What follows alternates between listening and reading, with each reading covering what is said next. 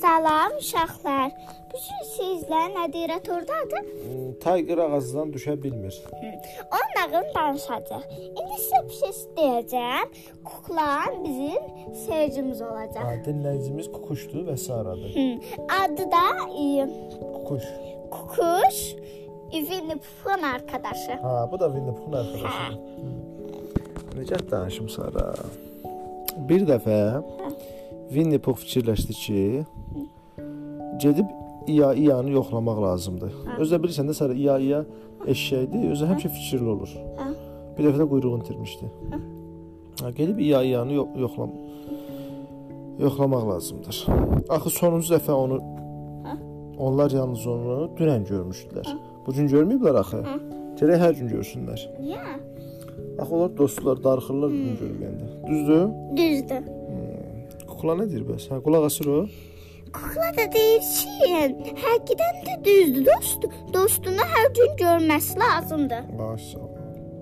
O Winnie zümzümə elə-elə yola çıxdı. Amma birdən yadına düşdü ki, bayquşu da görməyib. Düzdür? Düzdür, düzdür. Hmm. Qalın meşəyə gedib ona baş çəkməyə qərar gəldi. Dedi ki, gedim bayquşa da dəyim. Düzdür Sara? Bütün arkadaşları, bütün ar- iki arkadaşını da görməyib. İkisini neçə vaxtda getsin, ondan iki dənə var. Gedəcək də çatacaq da hamısını Necə? verəcək. Winnie Pooh ma mahnı oxuya-oxuya çaya çatdı. Nə mahnısı? Aha, Nə mahnısı? onu da görəcəyik də hansı mahnıda. Bal mahnısı olacaq, da hansı mahnı olacaq. Nə bilim. O çay keçmək üçün e, orada balaca körpülər olur qızım. Onlar körpülərə deyirlər addamac. Yəni o tərəfə addamaq, keçmək. Addamacın üstünə çıxdı. Və üstünə çıxanda bu səfər də yadına Kenga, Ru və Tiger xatırladı. Onlar kimdir ki? Onlar da o bir arkadaşlarıdır. Görəsən, Terkar e, şeydir. Tiger da aslan, oyuncaq aslandır. Görəsən bəs onlar nə edir? Yüce onlar da fikirləşir. Axı Winnie Pooh yaxşı dostdur, hamısını düşünür. Fikirli-fikirli çayın ortasındakı E, daşın ayıdır. Kim? Ayıdır yoxsa Winnie ayıd da qızım, Winnie Pooh ayıd. həmişə qarışdırıram ona. Aa, o ayıd da qızım, oyuncaq ayı. İçində də saman var. Ha, Ancaq bal Aha, düşünür. bal düşünür, başı boşdur. Fikirli-fikirli çayın ortasındakı daşın üstündə əyləşib mahnı oxudu.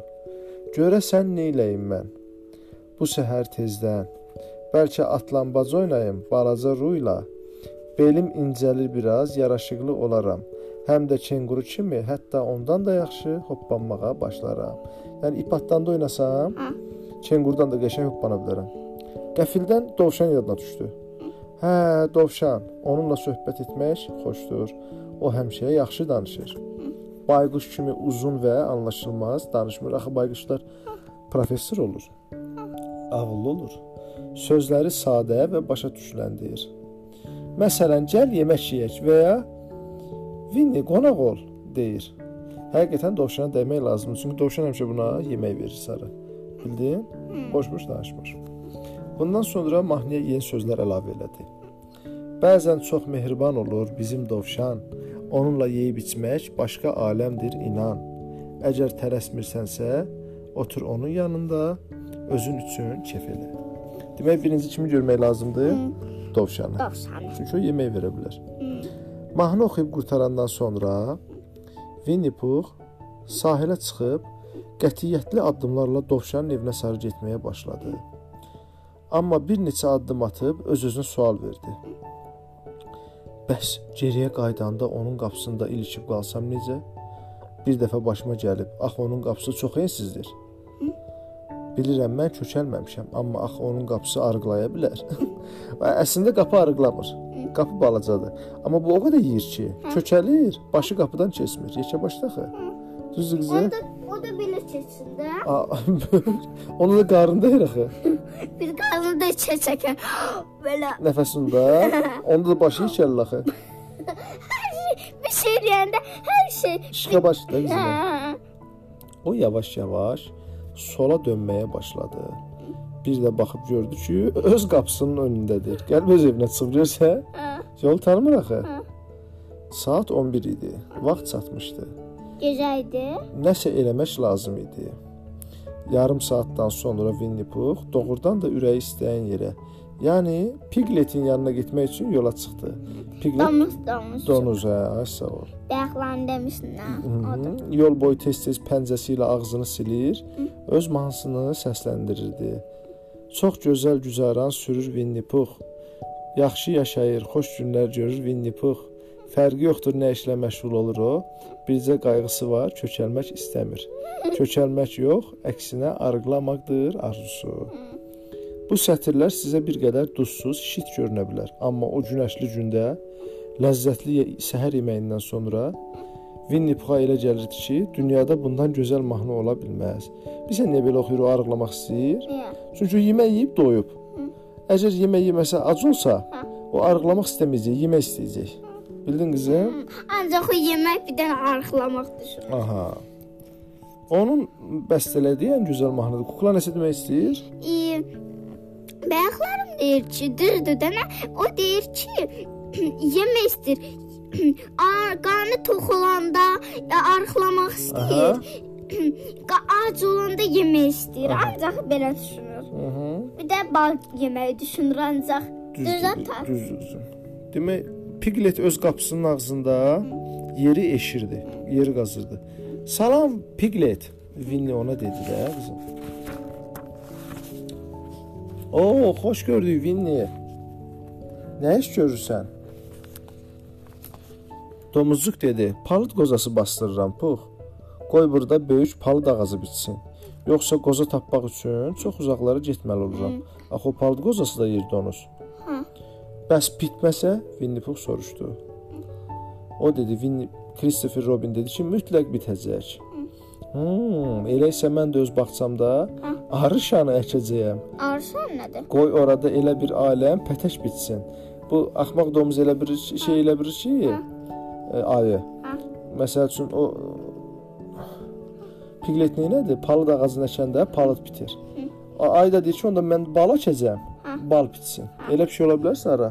Xeyr. Balı arılar düzəldir. E, arılar arılarla danışsa de desə ki, e, mənə biraz a, e, bal verə bilərsiniz. Arılar da razı olsa bal e, götürə bilər elə ata. Amma arılarla danışamırıq qızım. Arıların o xoşu gəlmir. Hmm. Çünki arıların bütün balını oğurlayır. Hə, o da dedi ki, mən də öz həyətimdə arı balı ət əkəcəm. Piglet çox təəccübləndi. O buna heç də əmin değildi. Yer gəlmişkən Winnie, əkməyi bacarmaq lazımdır. Bu çox çətin işdir. Piglet palıd qozasını çuxura atıb üstünə torpaq atdı. Sonra üzərində hoppanıb düşməyə başladı. Nə? Niyə hoppanıb düşdü? Torpaq bərk olsun. Hə, belə üstünə iş belə. Əkməyi mən də bacarıram, Winnie Pux dedi. Christopher Robin mənə qranfil, süzən, inciyən çiçək toxumları verib. Yalan deyil. Hə, düzdür, yalan deyil. Onları əkmişəm, bağçamda güllü çiçəkliyi olacaq. Hə, o qranfil deyir də, sonra qranfil olmur axı. Əslində qərənfildir. Yəqin qərənfil demək istəyirsən. Domuzcuk soruşdu. Süzən, süzən isə süsən gülüdür. İnciyən çiçək olmur. O inci çiçəyidir. İnci? İnci çiçəkdə o Kristofer ona qərənfil verib, süsən gülü verib inci çiçəyi verib. Onları əkib. Bu da elə bir ki, qərənfildir, qranfildir. Süsən, süsən deyil, süzəndir. İnci çiçəyi deyil, inciyən çiçəkdir. Adlarını səhv bilir. İnciyən çiçəkən ona deyəndə e, o düşür ondan. Ha. E, gü- gülünü bağlayır. Ay sağ ol. O canlı da ta. Sən də Winnie Pux kimi düşünürsən. Hə, hə, canlıdır qızım. Yox, Winnie Pux dedi. Mənim güllərim qranfil, süzən və inciyən çiçək adlanır. Piglet yaxşıca atılıb düşəndən sonra pəncələrini təmizləyib soruşdu. İndi nə edək? Winnie dedi, gedək Kengaya, Ruya və Tigerə baş çəkək. Gedək baş çəkək. Piglet kəkəllədi. Çünki hələ də Tigerdən qorxurdu. Domuzu. Hə, axı Tiger çox sirəşdir, qüvvətlidir. Onunla zarafat etmək olmaz. Bununla belə axırda razılaşmalı oldu və yola düşdülər. Ata, Tiger, domuz Tiger'dan qorxur. Hə də qorxur da qızım. Amma əslində qorxmağa dəyməz, onlar hamısı oyuncaqdır. Bildin qızım? Həmin gün Kenga evdə səliqə-səhman yaratmağı qərar almışdı. O ağların hamısını saymaq, Tigerin necə təmiz dəsmalı, Runun nə qədər təmiz önlüyünü qalmaq qaldığını öyrənmək istəyirdi. Odur ki, ikisini də evdən çölə çıxartmışdı ki, çıxın evi təmizləyirəm. Ruya bir torba buterbrod və salat, Tiger isə balıq yağı ilə buterbrodlar vermişdi ki, qalın meşədə yaxşı vaxt keçirsinlər, acmasınlar. Yolda Tiger Ruya pələnglərin, yəni Tigerlərin həyatından söz eşitdi. Söz açdı. Dedi ki, onlar çox şey bacalır. Ru soruşdu, bəs uça bilirlər? Uçmaq söz tapdın da soruşmağa. Bilirsən necə uçurlar? Sadəcə uçurlar, amma uçmaq istəmirlər. Yəni deyə bilmir ki, uça bilmirik biz. Niyə istəmirlər? Tayger dedi, niyəsə bizim uçmaqdan xoşumuz gəlmir. Amma əslində taygerlər qızım uçmur. Doğrusu Ru bunun səbəbini anlaya bilmədi. Çünki özü uçmaq üçün əldən ayaqdan gedirdi. Ru hansıdır? Ru da deyəsən qızım şey idi. O balaca canavar idi yoxsa balaca köpək idi? Ya da pişik idi. E, bu səhifədən tapaq. O da görəcək də qızım şəkillərində görəcək. Görüyor var burada. Nağılımızda kəsdi ya. Yox, Ru burada yoxdur qızım.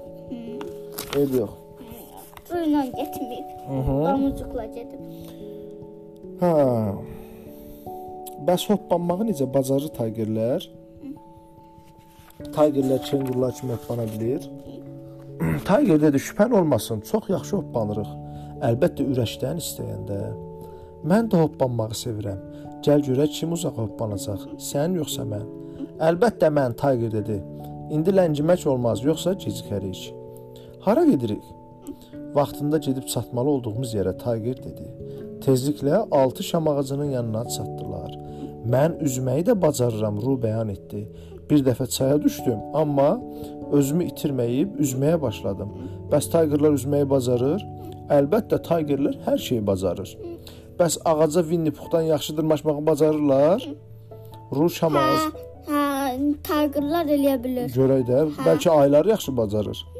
Aylar da çıxır, qızım, yuxarıda meyvə olanda, bal olanda ağaclar aylar hamıdan yaxşı çıxır. Şeydə görmüşdü bəlkə zərdə görsən. Ha. Çıxmışdılar. Tiger dedi, dünyada ağaca hamıdan yaxşı dırmaşırıq. Winnie Puh bizi kimi ağaca dırmaşa bilməz.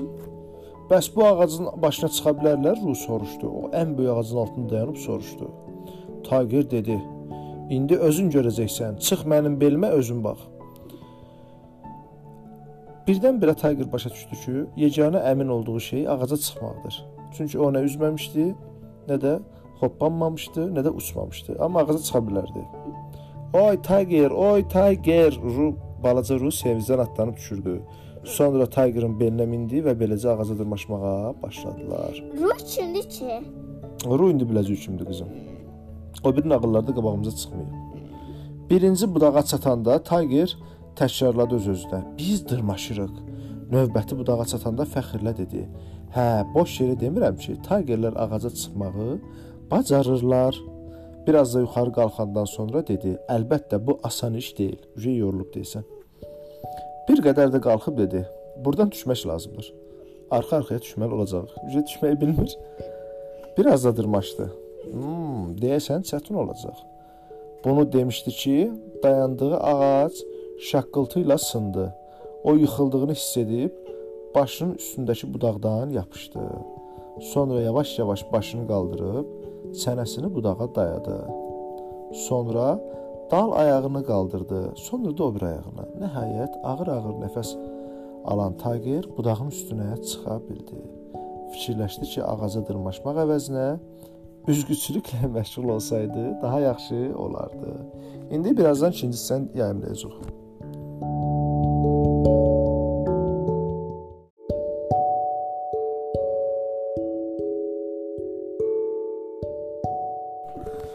Demək dostlar, bir ayaq biz harda qalmışdıq? Tiger Runa, Ru da dovşan imiş, tapdı Sara. Hardan tapdın Sara? E, şəkildən gördüm. Aha. E, şey var ha. Körpüdə. Çörpdən e, o heyvanat nədir? Nəsə Tiger. Hayqır yox. Ru.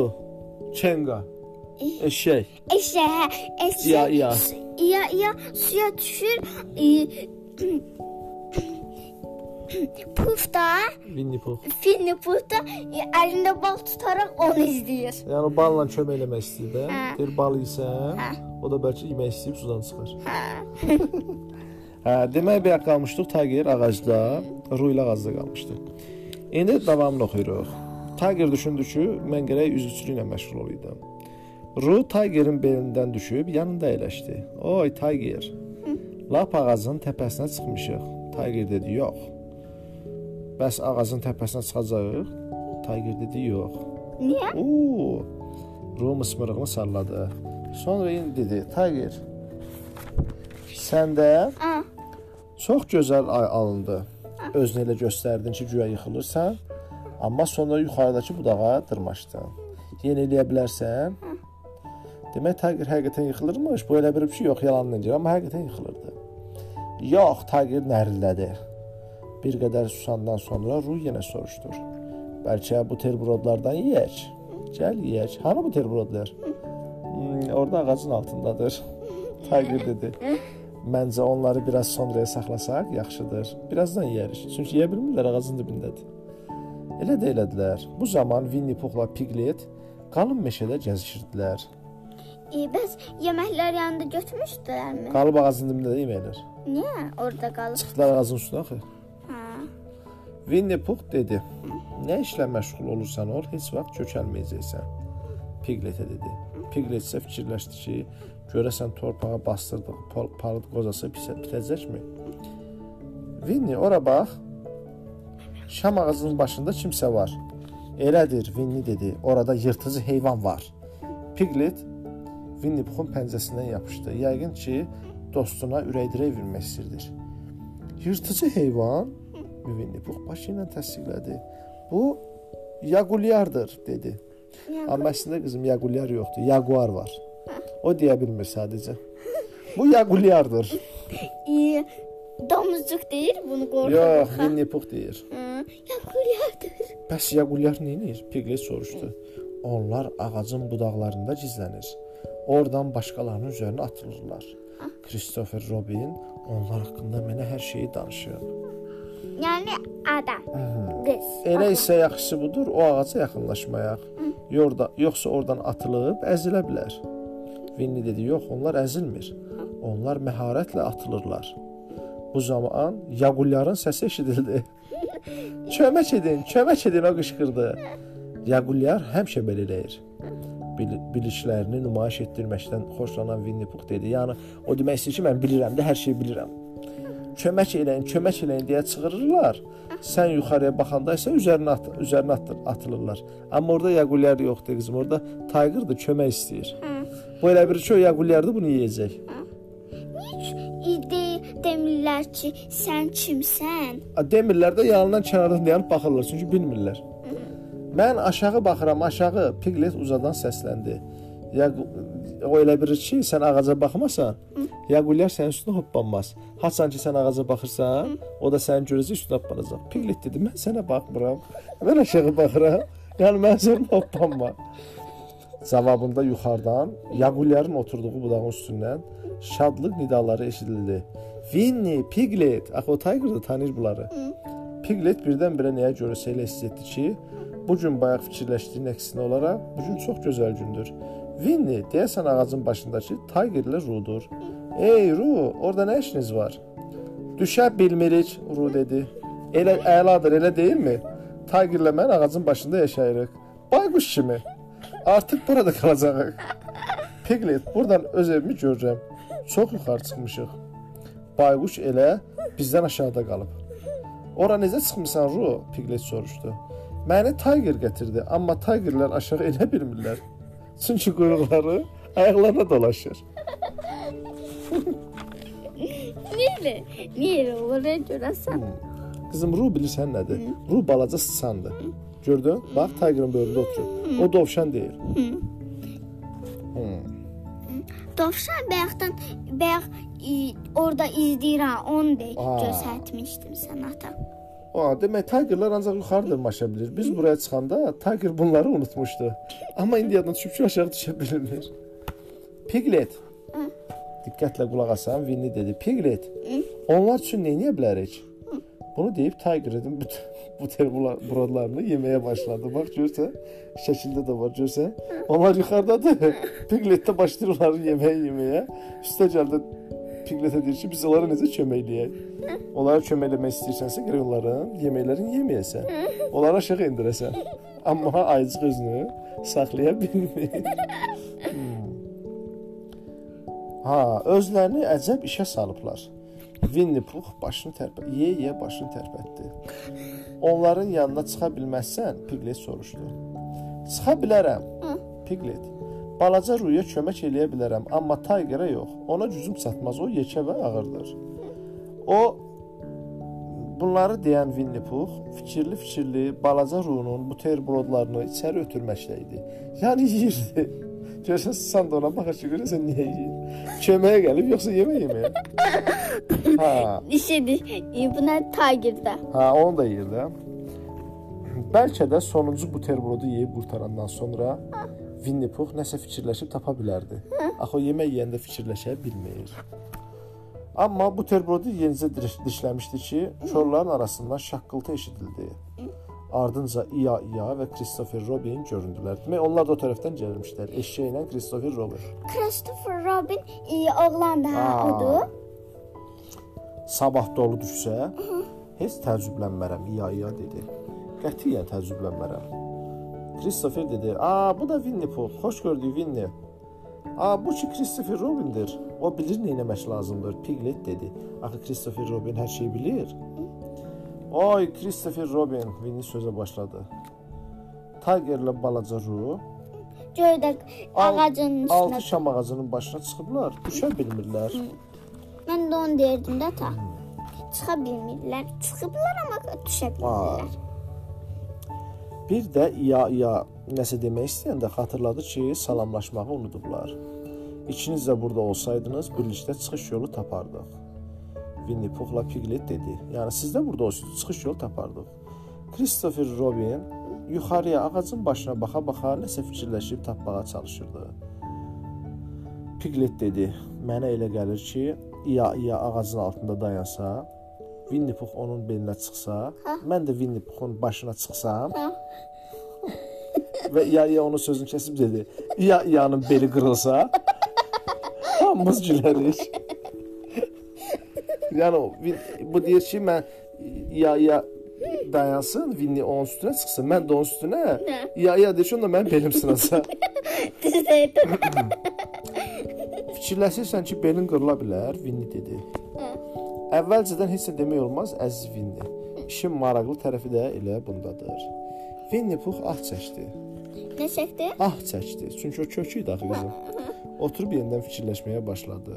Ura, tapdım, Christopher Robin qışqırdı. Mən köynəyimi çıxarıram. Köynəyin kənarlarından tut tuturuq.